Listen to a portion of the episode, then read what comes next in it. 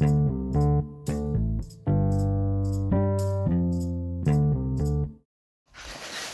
Assalamualaikum warahmatullahi wabarakatuh. Waalaikumsalam warahmatullahi wabarakatuh.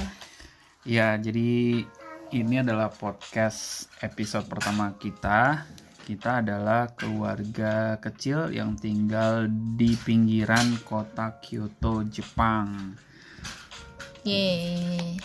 Jadi kita sekarang eh, lagi dalam masa studi ya.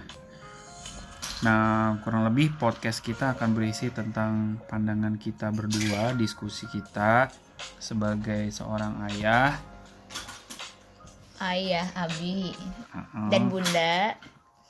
uh, dalam memandang pendidikan, dalam memandang parenting, ya fenomena sosial yang ada gitu ya.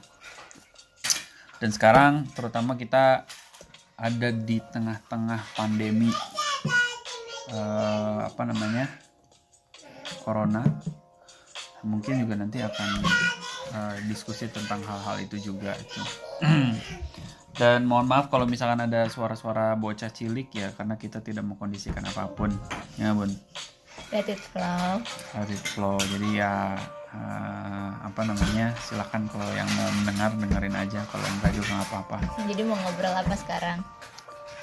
sekarang eh terlepas dari apa yang terjadi kita tadi sempat diskusi tentang bagaimana apa namanya ya segmen-segmen orang-orang di Indonesia dalam menghadapi corona.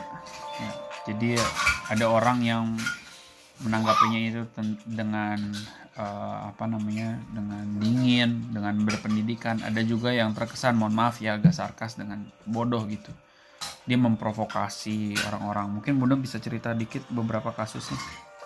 Eh, jadi miris sih kita eh, dunia media sosial kita dan hampir di mana-mana kita selalu dikelilingi dipenuhi oleh eh, kabar tentang corona kan dan termasuk di Indonesia.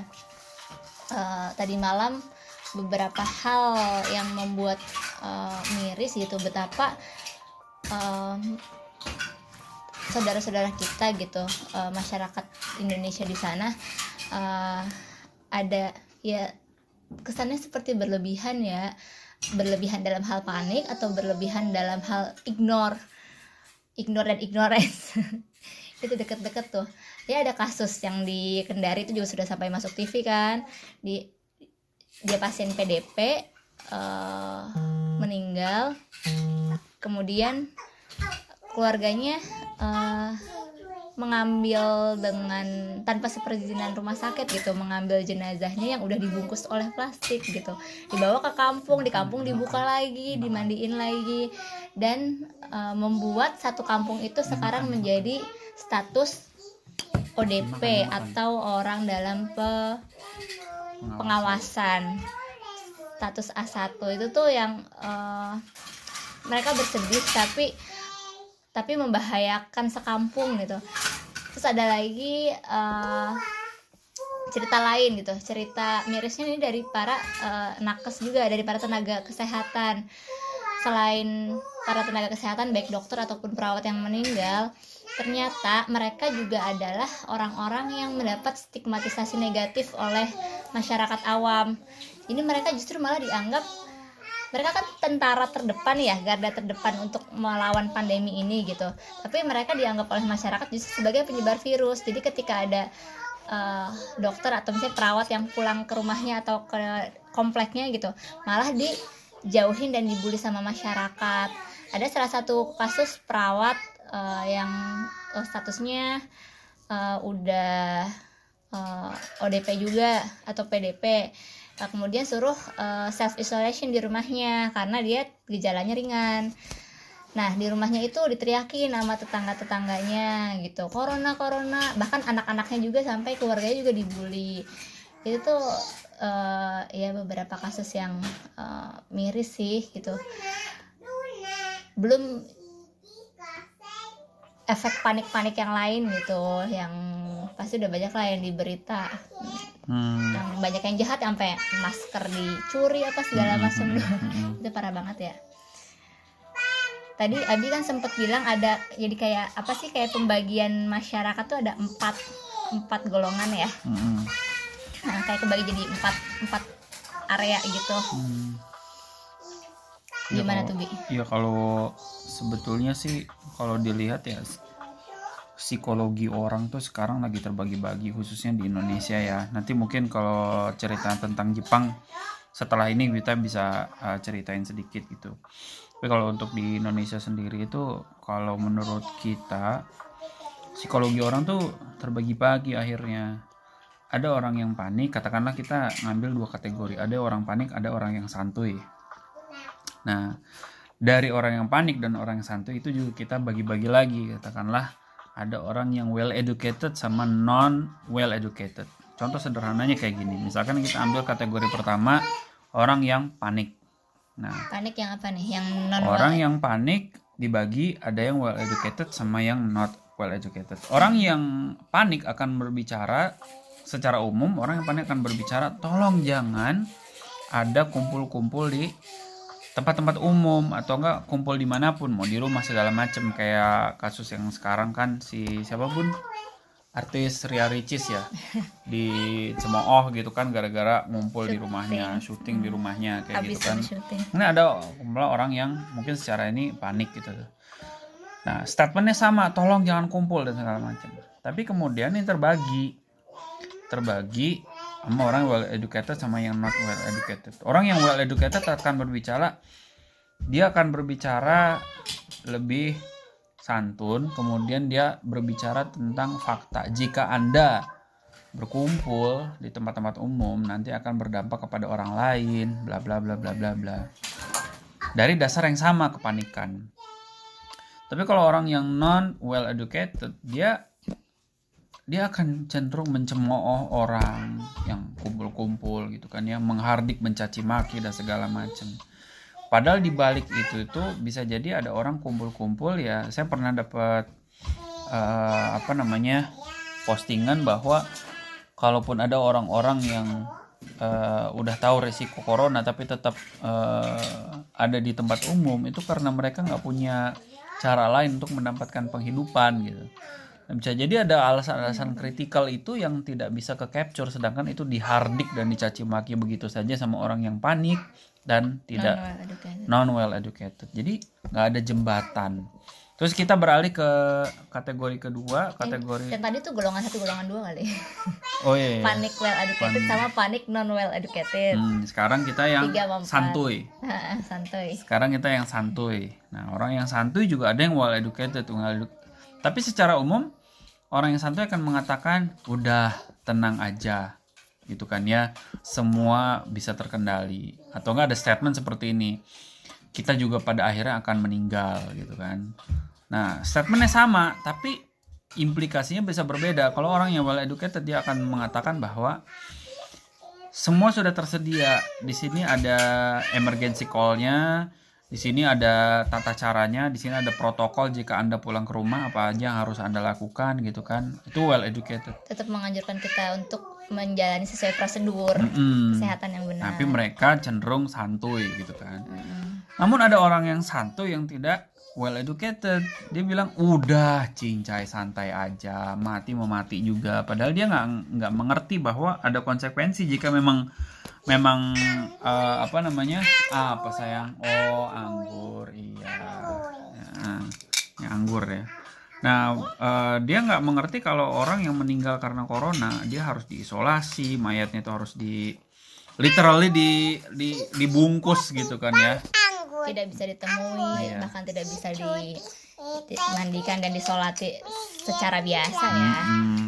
Nah, dia dia tidak mengerti kalau banyak konsekuensi di balik itu gitu. Kalau ada orang kena uh, meninggal, iya sayang. Uh, kalau ada orang yang meninggal karena uh, corona seperti itu. Nah, yang jadi concern kita itu adalah dari semua asumsi ini, dari semua kategori golongan-golongan ini, tidak ada jembatan persepsi gitu. Tidak ada jembatan persepsi yang diliding oleh uh, pemerintah atau enggak tokoh-tokoh masyarakat. Karena masing-masing ini pasti mereka punya punya sumber persepsinya. Katakanlah orang yang santuy. Orang yang santuy Oh, well educated dan santuy non well educated punya public figure yang masing-masing gitu Uh, ya. uh, jadi ada mungkin ustadz yang mengatakan bahwa udah tenang aja nyawa di tangan Tuhan gitu kan, yang nyawa di, nyawa di tangan Allah, udah kita pasrahin aja gitu kan. Nah itu juga kalau tidak tidak aware dengan prosedur-prosedur yang ada bisa jadi sama juga. Maaf ya, ini malah jadi perang nih sama bocah nih. Uh-uh. Jadi enggak yang aku penasaran kalau menurut Abi eh, jadi tadi kan anggaplah ada empat golongan. Nah, antara orang yang panik non kalau yang well educated oke lah, itu sebenarnya relatif eh, kalau aku mandangnya itu baik eh, masih cukup baik. Nah, yang non well educated nih mendingan panik non well educated atau santuy tapi non well educated lebih berbahaya yang mana sih? sebetulnya kalau concernnya tuh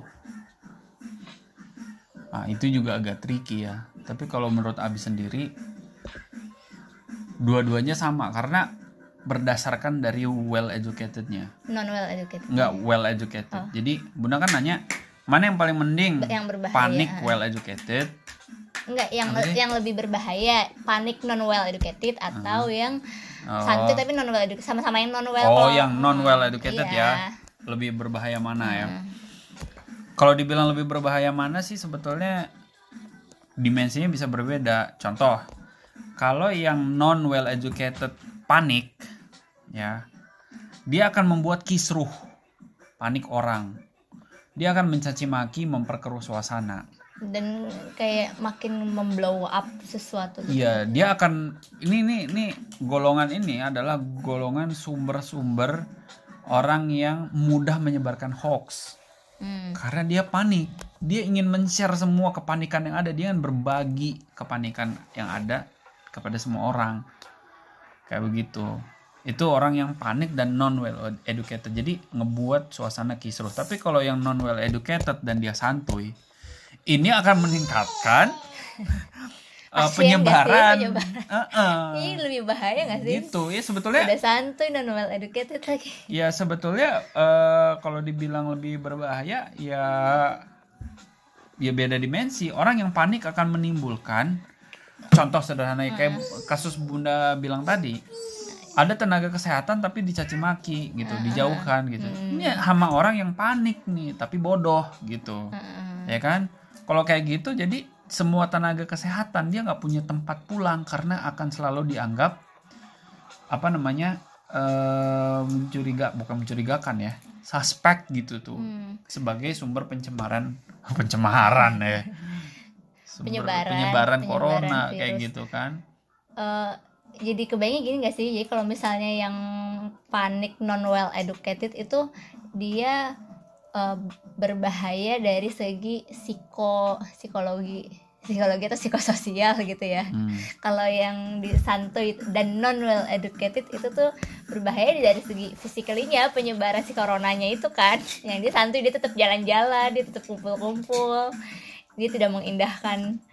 Ya bisa jadi kayak begitu ya. Ah, bener. Ya, Jadi- beda dimensi Eh, kan? yang satunya sakit sakit psikologis satunya sakit bikin sakit psikologis satu bikin sakit fisik gitu.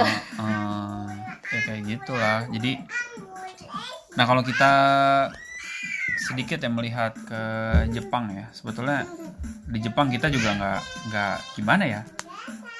Ya heboh sih heboh kalau ngelihat berita ya. Walaupun beritanya juga kita nggak ngerti juga soalnya bahasa Jepang semua ya.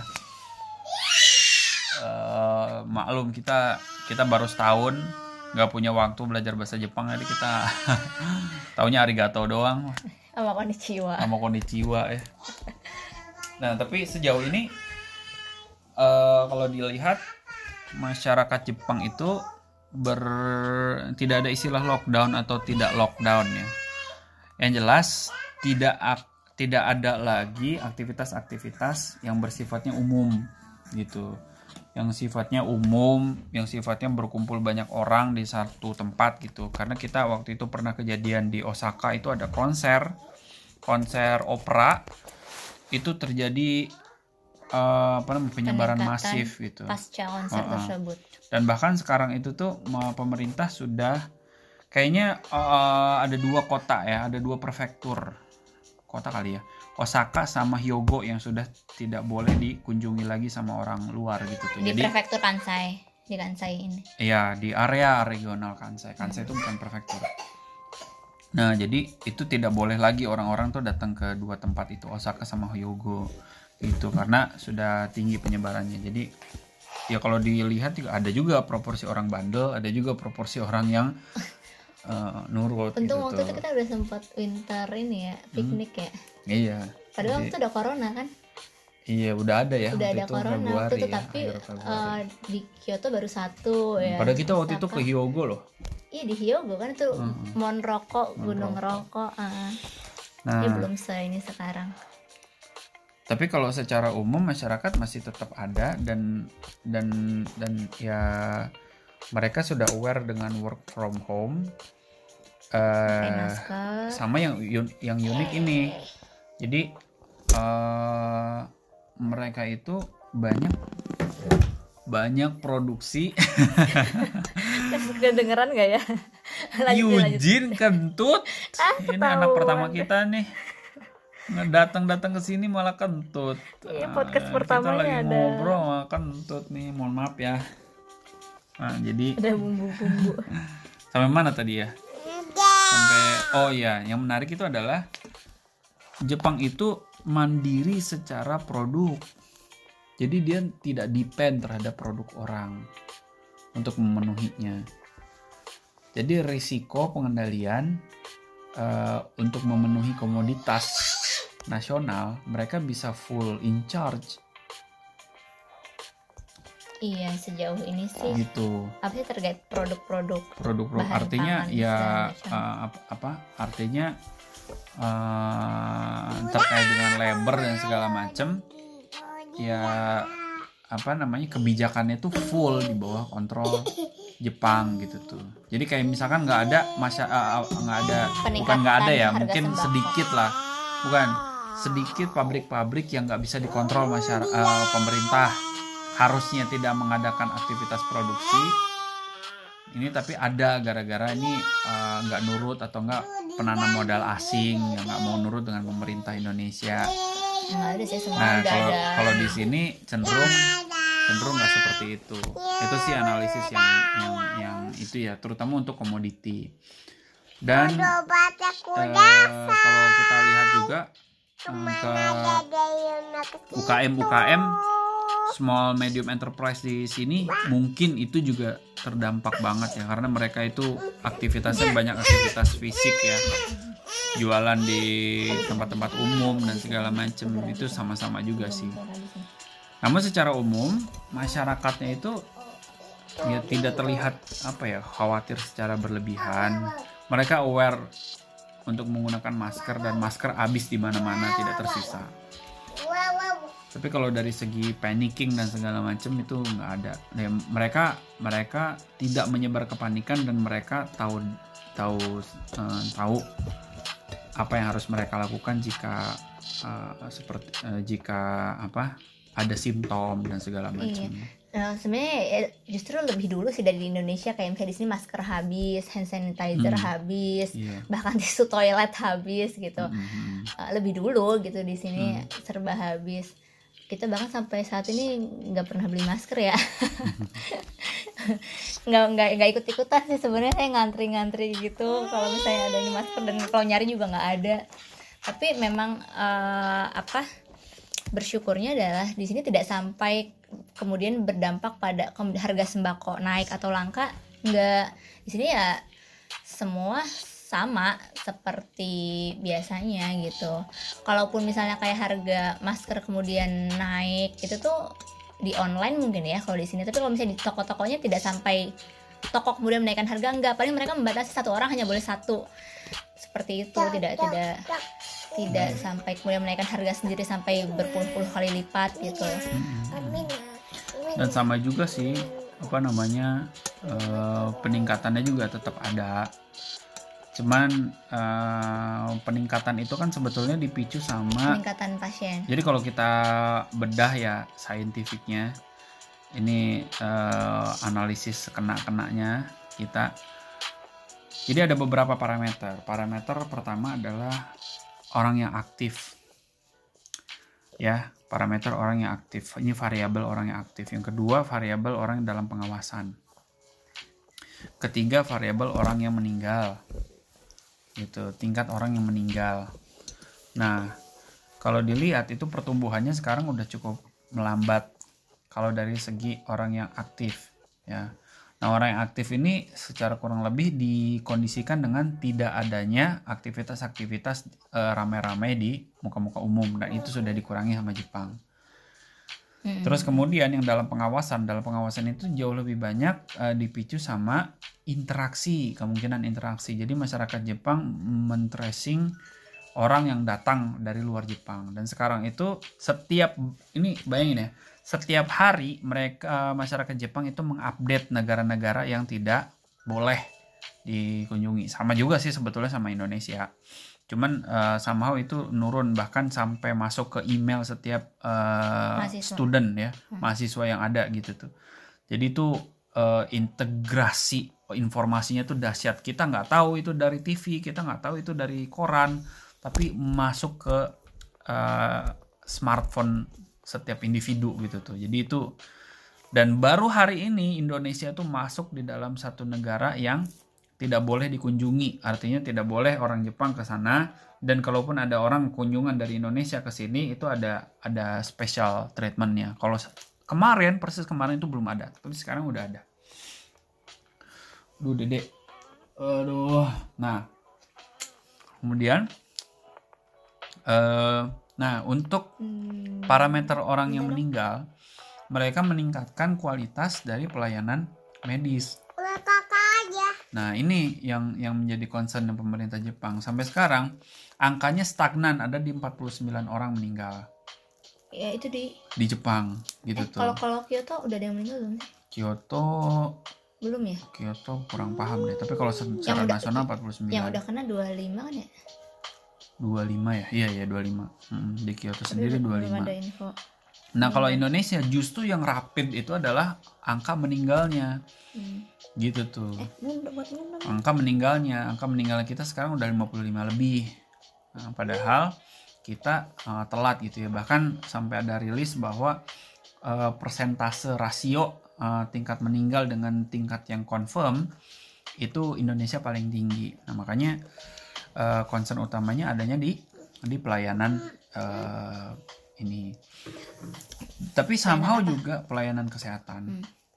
tapi somehow juga kita melihat di sini warga eh, Jepang eh, Jepang tidak seperti Korea Selatan yang mengadakan rapid test. Hmm. Jadi Jepang itu lebih kepada eh, apa namanya calming down the society gitu kan. social distance Eh, social distancing, work from home, bla bla bla gitu, tidak ada rapid test gitu tuh sehingga ya apa namanya? Dan banyak juga orang-orang yang ingin tes tapi tapi ditolak. Hmm. gitu, ditolak sama rumah sakit. Kalau kalau simptomnya nggak ada simptom. tidak sesuai dengan pattern yang corona. Kayak begitu jadi ya sebenarnya sih bisa jadi angkanya jauh lebih tinggi daripada real yang Hmm. dipublikasi. Mm-mm. cuman ya itu mungkin ya Jepang ngambil kebijakannya beda ya. Dia fokus ke pencegahan kemudian eh, gimana yang simptom dirawat dengan baik dan segala macam. Ya menekan angka yang tapi meninggal. kalau mau orang mau mikir-mikir lebih jauh ya sebetulnya itu ini bisa di- dijadi eh, bisa disebabkan oleh satu penyebab yang kritikal. Apa itu? Olimpiade. Olimpiade itu kan tahun ini direncanakan di di Tokyo. Mm-mm. gitu dan itu masih di hold oleh Jepang sampai akhirnya baru minggu ini di cancel Olimpiade ya. Dan ternyata di Jepang udah dua kali ya di cancel ya. Dulu gara-gara Ini perang sih, dunia. dulu perang dunia 1940 sekarang corona. Jadi ini bagian dari perang dunia ketiga juga nih. Ya teori konspirasi banyak ya di balik ini. Cuman yang jelas eh, tapi at least apa yang bisa kita berdua ambil nih kalau ngelihat di situasi di Indonesia itu adalah kalau dibilang mana sih sikap yang paling baik gitu kan? Karena sekarang ini teman-teman misalkan posting aja ya di di grup WhatsApp gitu. Posting kayak gini Insya Allah nyawa itu udah ada di tangan Allah Subhanahu Wa Taala kayak gitu. Itu pasti tuh dihajar tuh. Pada statement yang disampaikan dijulit. dijulitin ya pada statement yang disampaikan itu bener nggak ada yang salah gitu kan Iya. tapi kondisinya sekarang itu Eh, lagi sensitif banget gitu. Oh, nah makanya itu karena adanya polarisasi eh, apa perspektif masyarakat. Tadi kita baru make dua golongan doang ya. empat Eh, ya empat lah bisa dibilang ya. Kalau nambah kategorinya misalkan ada yang panik, ada yang eh, santuy, ada yang diem aja gitu kan bisa jadi. Nah, diem itu juga perlu dipertimbangkan. Diem ini dia takut. Diem ini ekonominya kayak gimana? Tambah lagi dong yang diem ini well educated tambah Well educated. Heeh. sama sama belum juga kita ngomongin variabel ekonominya mana ekonomi yang menengah ke atas kayak gimana dia survivalnya dan segala macam itu banyak banget tapi at least itu yang kita uh, bisa lihat ya dan ya kita berdua ini mencurahkan uh, apa pikiran kita dengan podcast ini ya. Sama-sama nggak tahu juga nanti ujungnya kayak gimana nih. Kita juga sekarang kalau kalau pulang ke Indonesia nih dalam status masih student itu udah nggak boleh sekarang iya dan nggak tahu teman-teman yang rencana pulang Oh, akhir itu bulan ini. karena kan mereka udah lulus tapi kalau lulus ya. kalau ingin pulang sementara habis itu Oh, balik mudik. lagi itu boleh itu ya. yang susah gitu. Bahkan sekarang ya kuliah juga udah semuanya pakai online. Di di sini juga. Yeay, Abi akhirnya di rumah aja. Iya. Jadi begitu kira-kira apa namanya eh pemikiran kita nih cuit-cuit. Cuit-cuit. Kita pastikan eh para pendengar. Keren kayak bakal ada aja yang dengerin ya.